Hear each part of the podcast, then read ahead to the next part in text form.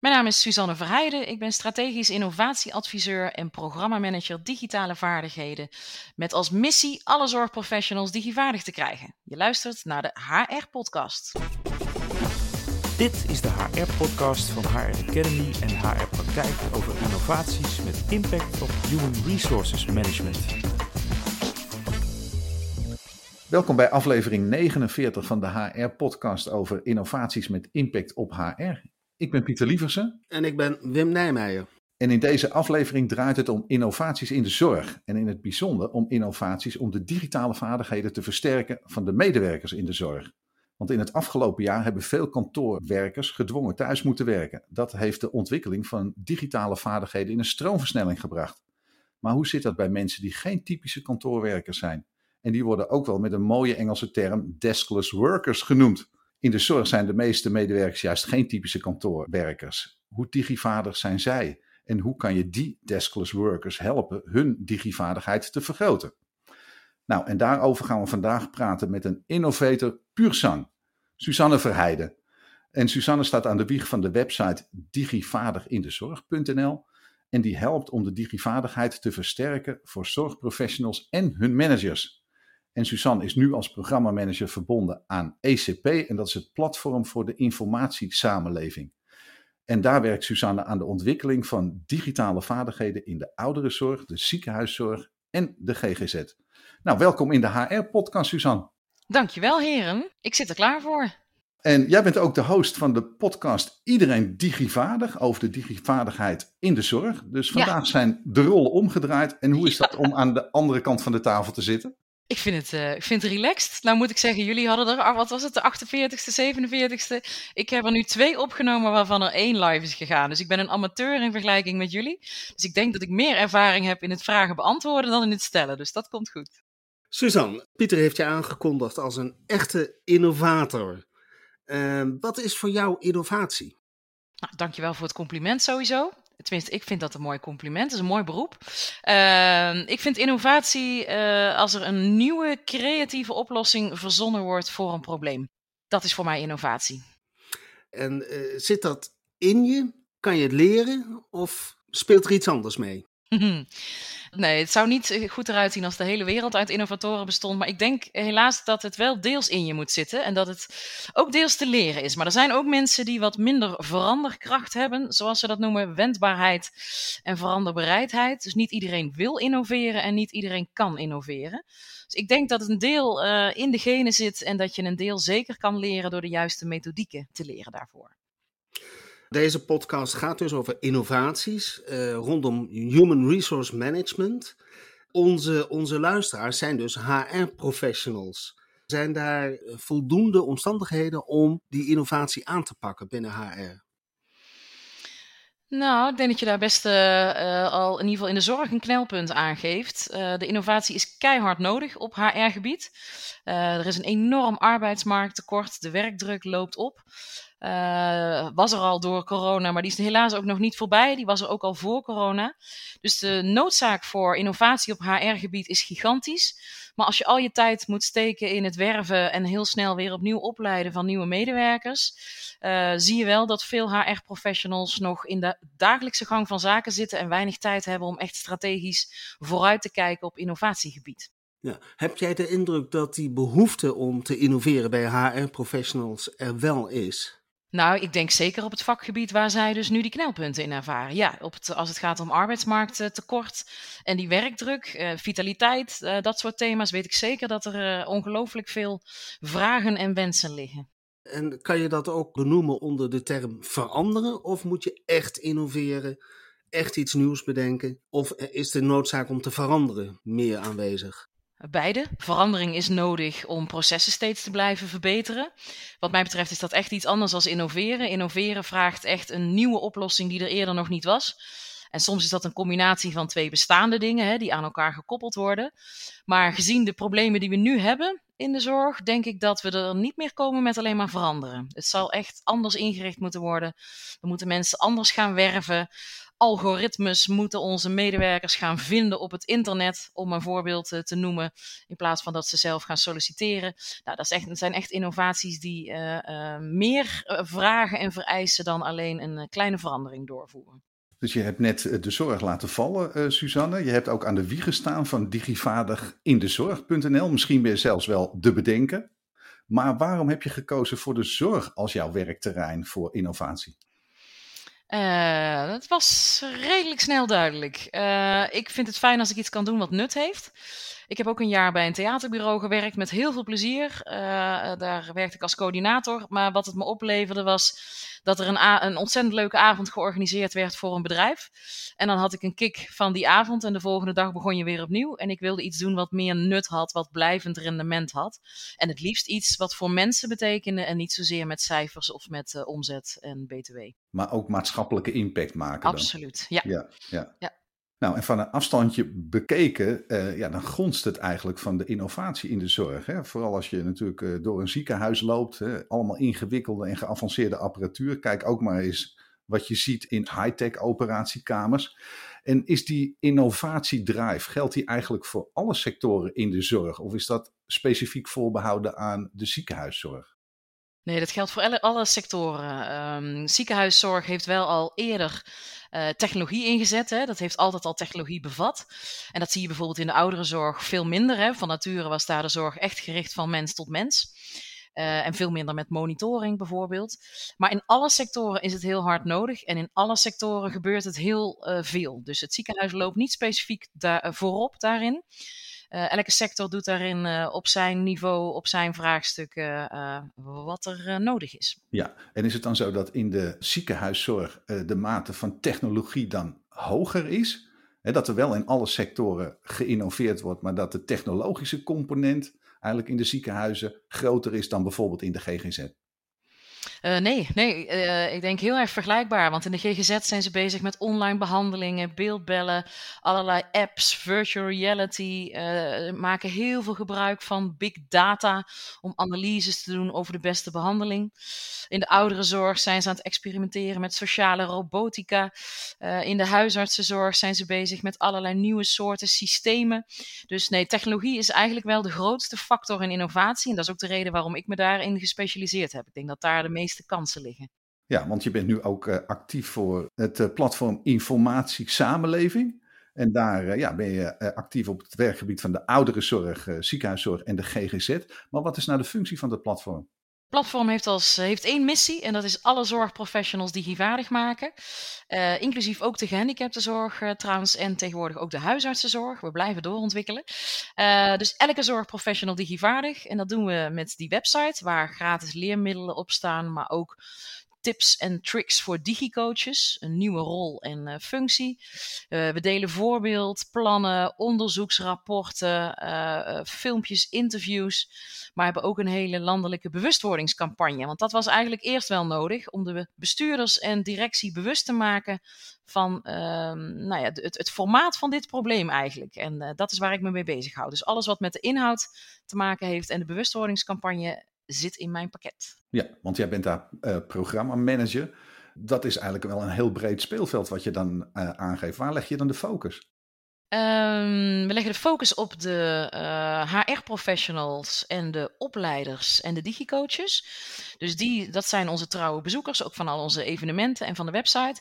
Om die vervolgens te helpen, die zorgprofessionals digivaardig te maken. Dus onze profijtgroep, zou je kunnen zeggen, is de zorgprofessional. Onze doelgroep is HR, opleiden, ICT en digicoaches. Digivaardig in de zorg is een website met leermiddelen voor mensen die werken in de zorg, van verzorgenden tot huisartsen en managers. Dat zeg ik zo goed, hè? Dat is uh, keurig verwoord. Oké. Wat was nou de aanleiding, de precieze aanleiding om die website te ontwikkelen? Waren de, de medewerkers niet digivaardig?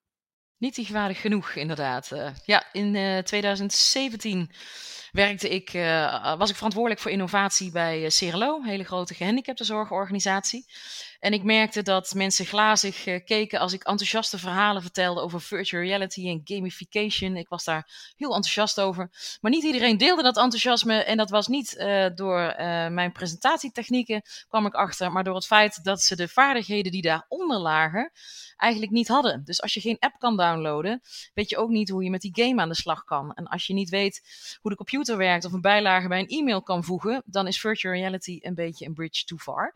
Dus ik heb daar toen onderzoek naar gedaan. En uh, toen bleek dat uh, 10% in de gehandicaptenzorg digistarter was.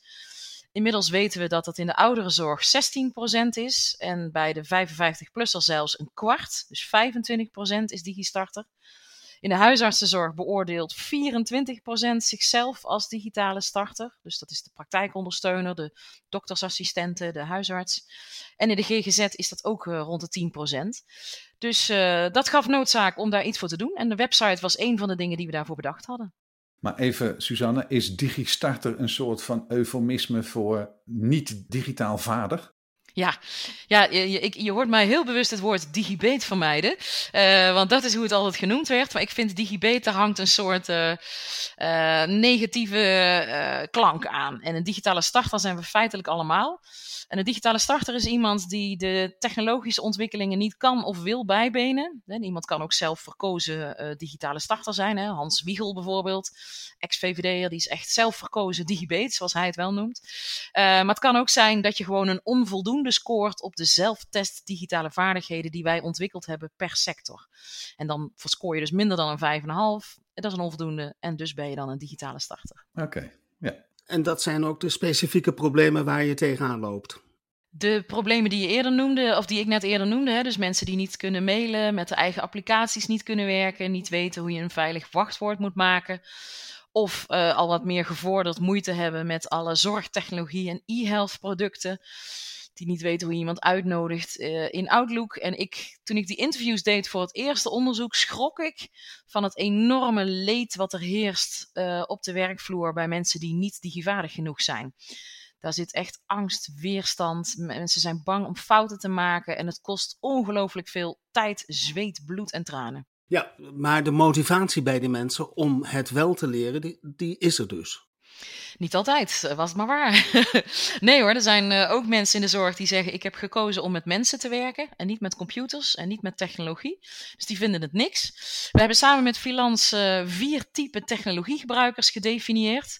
Van de digitale starter tot de digitale enthousiasteling.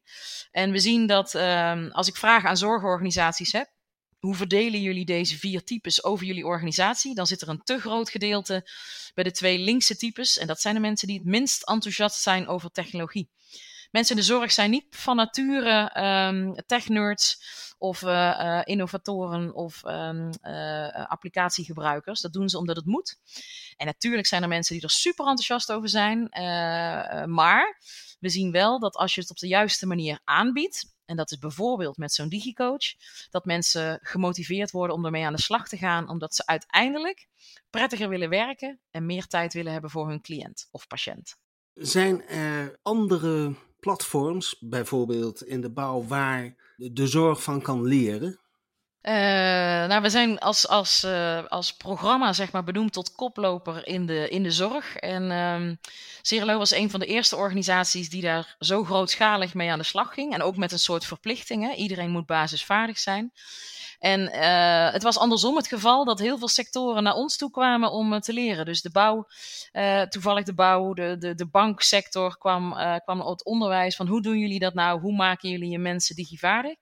Maar inmiddels zijn zij natuurlijk ook weer een paar jaar verder. En nu heb ik bijvoorbeeld weer mensen geïnterviewd uit de bouw en uit het onderwijs van hoe doen jullie het nu? En kunnen wij weer van jullie leren? Dus we hadden een kleine voorsprong, maar ze zijn hard aan het inhalen. Gelukkig.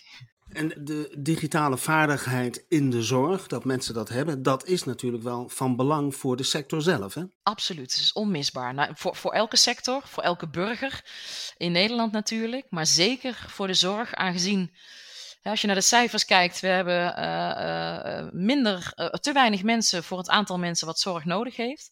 Dat betekent dat technologie steeds belangrijker wordt. En om technologie te gebruiken, moet je digivaardig zijn. Maar ook voor alle dagelijkse applicaties. Het rooster gaat via uh, apps tegenwoordig. Uh, ze moeten allemaal mailen of delen. Dat is hipper dan mailen. Uh, delen via Teams. Ehm, ze moeten in het ECD, elektronisch cliëntendossier of patiëntendossier, moeten ze registreren. Dus ze kunnen niet meer werken zonder een computer aan te raken. Oké, de, de rol van de werkgevers hierin, is, is die cruciaal geweest? Is, is, is het van onderop ontstaan, uh, dit idee van digivaardig in de zorg? Waar komt dit vandaan? Nou ja, het kwam in dit geval dus vanuit het innovatieteam, omdat we hè, de noodzaak zagen, maar door wat onderzoek ook die resultaten zagen. En het management was uh, direct overtuigd toen ze hoorden wat het voor ellende opleverde op de werkvloer. De aanpak is echt bedacht bottom-up. We hebben echt aan digitale starters gevraagd: hoe zou jij het liefst willen leren? Zou je het willen leren? Wat wil je leren? En daar kwamen bijvoorbeeld hele zinvolle dingen uit. Zoals je moet een digitale starter niet het leed van een computercursus aandoen. Mensen zeiden echt in interviews de gedachte alleen al dat ik in zo'n computerlokaal moet zitten en dat iedereen dan een scherm verder is dan ik en ik heb geen idee wat ik moet doen en dan loop ik vast en dan komt er zo'n trainer en die herstelt het en dan weet ik niet wat hij gedaan heeft en het zweet loopt over mijn rug bij de gedachte. En wij maar computertrainingen aanbieden. Dus dat was een zinvol inzicht. En ze zeiden ik wil het liefst geholpen worden op de werkplek zelf door een collega die digivaardiger is dan ik, die rustig is, geduldig is en goed kan coachen. Daar hebben we de functie van digicoach op gebaseerd. En inmiddels ben ik bij honderden organisaties betrokken geweest uh, om ze te helpen uh, hun medewerkers digivaardig te maken. En altijd als we die vraag aan medewerkers stellen, geven ze hetzelfde antwoord. Dus die functie van digicoach, die echt nieuw is, is een, de grootste succesfactor ook in de aanpak. Maar een digicoach is dus een, uh, een collega. Ja, meestal iemand van de werkvloer. Soms is het iemand van de service desk met coachingsvaardigheden. Soms is het een HR-professional, een fysiotherapeut. Maar meestal is het gewoon one of the guys uit het team die gewoon digitaal net wat verder is dan de rest. En geduldig is en al die andere eigenschappen heeft. Ja. En zo'n zo'n digicoach die gaat dan samen met een collega bijvoorbeeld naar digivaardigindezorg.nl. Ja, ja, ze kunnen daar de gratis leermiddelen gebruiken. Ze kunnen testjes doen. Ze kunnen uh, inspiratie krijgen, ook als digicoach, van hoe leert de digitale starter nou? Hè? Hoe leg je iets op een gemakkelijke manier uit? Uh, maar ze gaan ook heel vaak gewoon hands-on achter de computer zitten. Dus uh, dingen gewoon uitproberen. Mm -hmm.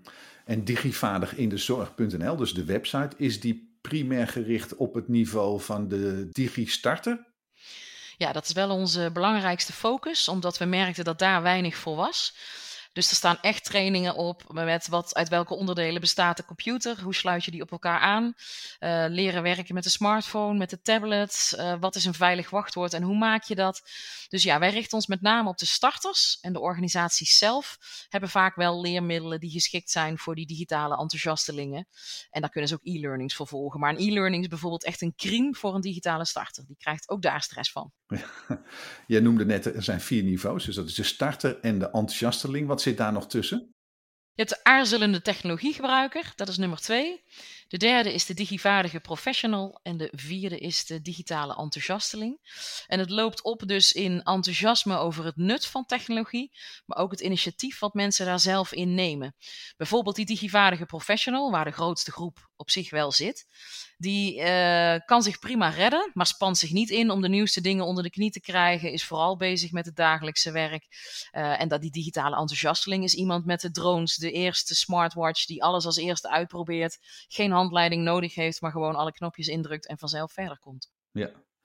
En het bezoek aan Digivaardig in de zorg, al dan niet samen met een digicoach, is dat het initiatief van de medewerker zelf of wordt hij daartoe gestimuleerd door zijn leidinggevende? Uh, beide. Uh, wij stimuleren dat leidinggevende dit stimuleren, uh, omdat we zien dat dat te weinig gebeurt. Hè. De, de, rol van de leidinggevende mag echt groter, zien wij in de aanpak. We hebben een aanpak met 13 succesfactoren, die staat ook op de website. En die leermiddelen kunnen ze zelf inzetten, dus ze kunnen er zelf achter gaan zitten, maar dan moeten ze wel al die website kunnen bezoeken. Als ze dat niet kunnen, krijgen ze hulp van de digicoach.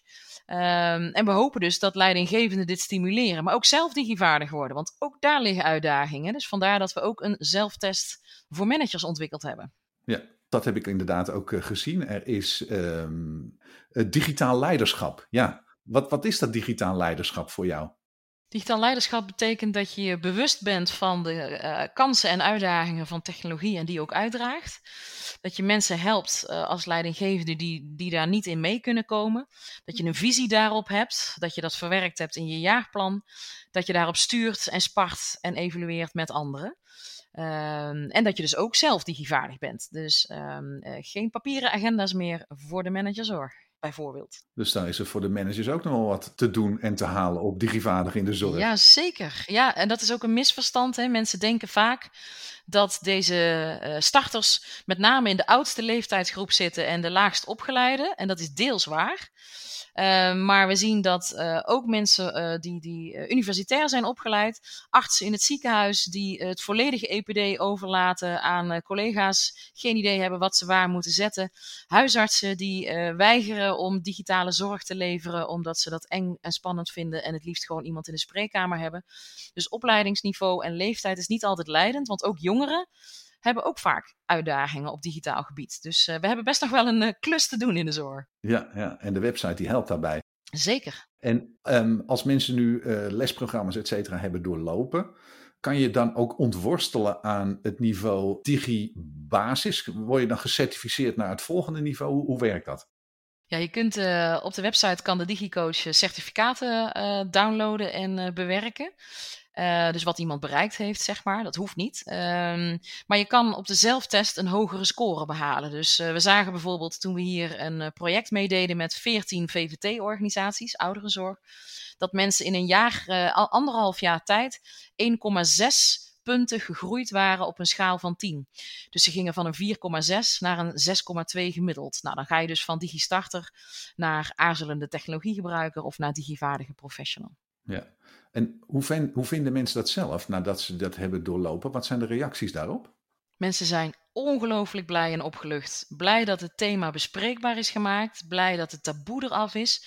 Blij dat ze niet meer afhankelijk zijn van collega's. Blij dat ze zelf een, een volledige rol kunnen vervullen, van nut kunnen zijn voor het team. Uh, en uh, veel meer met zelfvertrouwen achter de computer zitten. Dat, uh, dat zijn echt mooie, mooie resultaten waar we heel blij mee zijn. Daar, daar doen we het voor.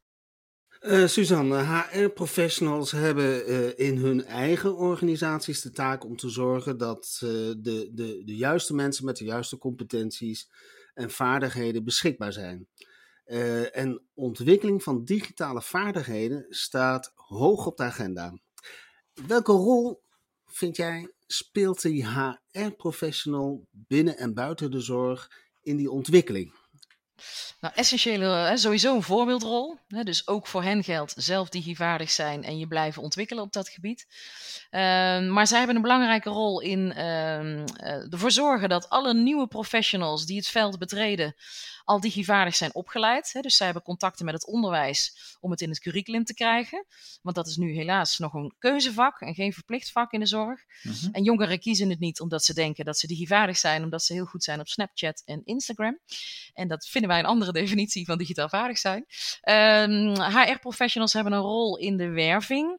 We zien dat mensen bijvoorbeeld in vacatureteksten nu steeds meer zeggen: Wij hebben een digicoach die je helpt om met onze applicaties om te gaan. Dat heeft een wervende factor. Ze hebben een rol in de inwerkprocedure, dat er meteen een digicoach met die medewerker aan de slag gaat. Want er zijn echt mensen die het pand verlaten vanwege de digitalisering. Nou, dat mag je als in de zorg natuurlijk echt niet hebben. Mm-hmm. Ze hebben een rol in een minimumniveau per functies te bepalen. Hè. Wat moet iedereen nou in elke functie kunnen? Want dat is anders voor een arts, voor een verpleegkundige, voor een verzorgende, voor een inkoper, voor een fysiotherapeut. Iedereen heeft andere skills nodig.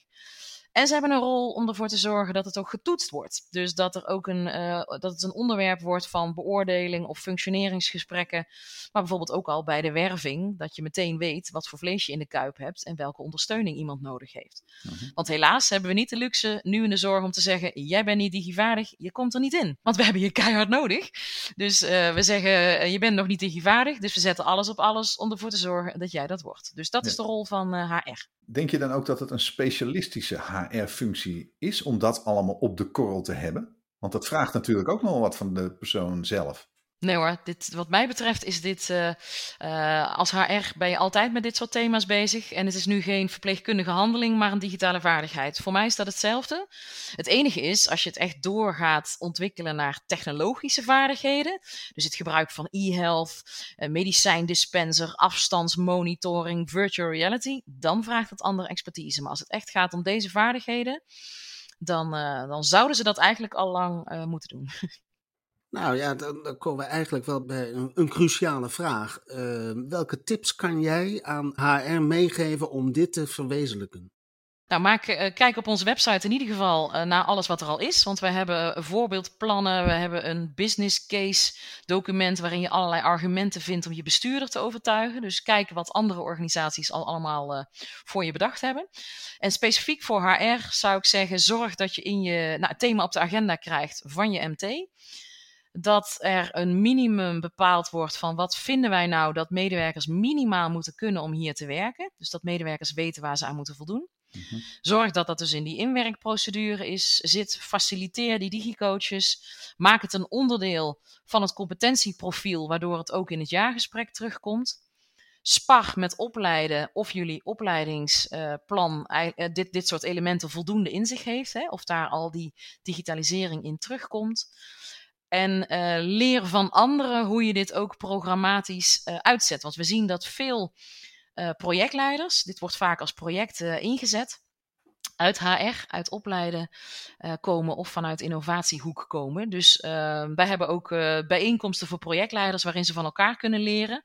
En daar hebben we newbies en ervaren mensen. Dus we hebben mensen die helemaal nog moeten beginnen.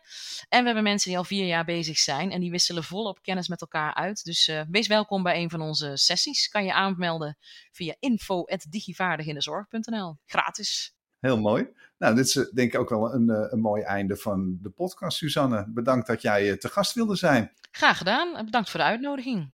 Zeker. En nou, we hebben wat praktische tips van je gekregen. En uh, ja, een mooi overzicht gekregen over innoveren. En het bevorderen van digivaardigheid in de zorg. Nogmaals dank daarvoor. Graag gedaan. En aan het einde van weer een aflevering van de HR-podcast over innovaties met impact op HR wil ik nog wat aan je vragen als luisteraar. Want wil je reageren op deze aflevering? Of misschien heb je suggesties voor gasten voor een volgende aflevering? Laat het ons en je vakgenoten weten door een recensie te schrijven op Apple Podcast of stuur een mail naar redactie.hrpodcast.nl. Bedankt voor het luisteren en tot de volgende HR-podcast.